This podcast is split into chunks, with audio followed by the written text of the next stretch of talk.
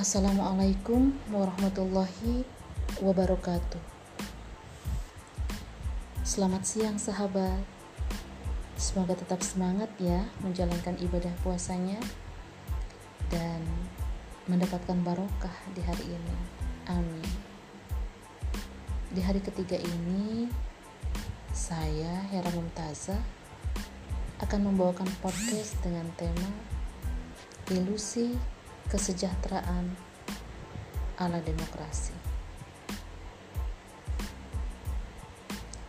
Heran, mungkin itu yang kufikirkan.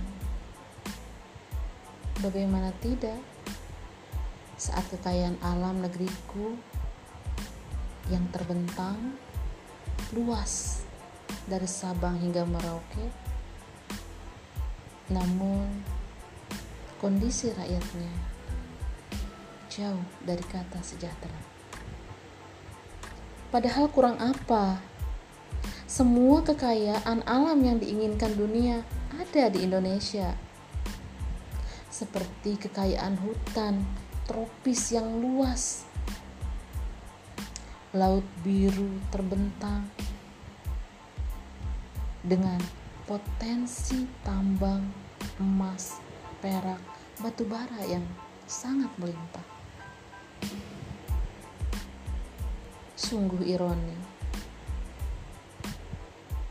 Negeriku yang kaya dengan sumber daya alamnya tak mampu mewujudkan kesejahteraan pada setiap individu rakyatnya. Anak ayam mati di lumbung padi.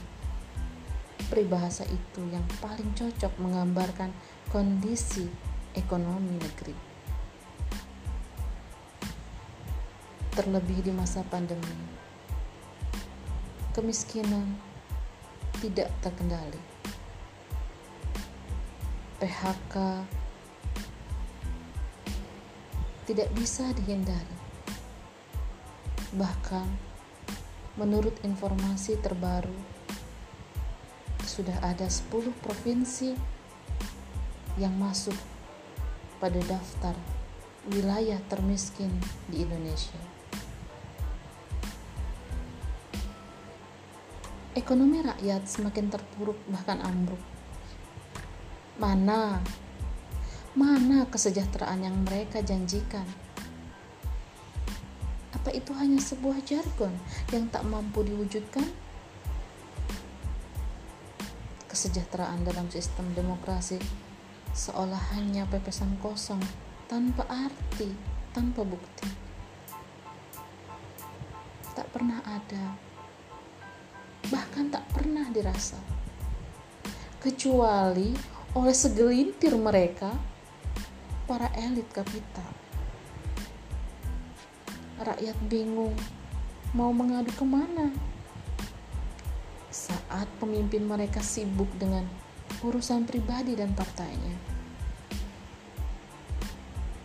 Mereka sibuk menebar janji manis tanpa kepastian untuk mewujudkannya. Lantas, apa yang harus dilakukan rakyat? Haruskah rakyat diam, menunggu tanpa perjuangan?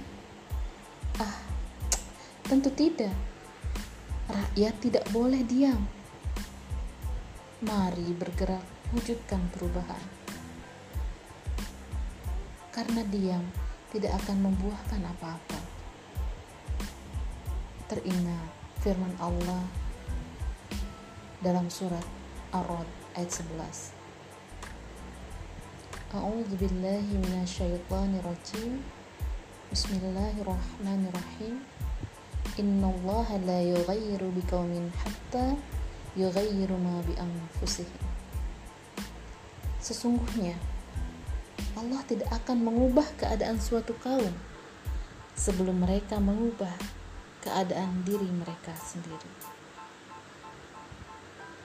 Dari ayat di atas, Allah menyeru agar umat Islam bangkit, bangkit dari keterpurukan, merubah kondisi saat ini yang rusak karena penerapan sistem demokrasi menuju perubahan hakiki yang mampu mengeluarkan umat dari kenestapaan dan kemiskinan. dan hanya lewat penerapan sistem Islam secara kafah dalam bingkai daulah yang terbukti 1300 tahun lamanya mampu menjadi junnah dan ra'in bagi setiap rakyatnya. Lewat penerapan sistem ekonomi Islam, pemerintah mampu mewujudkan kesejahteraan dan keamanan. Wahai khairul ummah, mari rapatkan barisan. Song-song kebangkitan Islam yang dijanjikan. Wallahu a'lam. Semoga bermanfaat. Wassalamualaikum warahmatullahi wabarakatuh.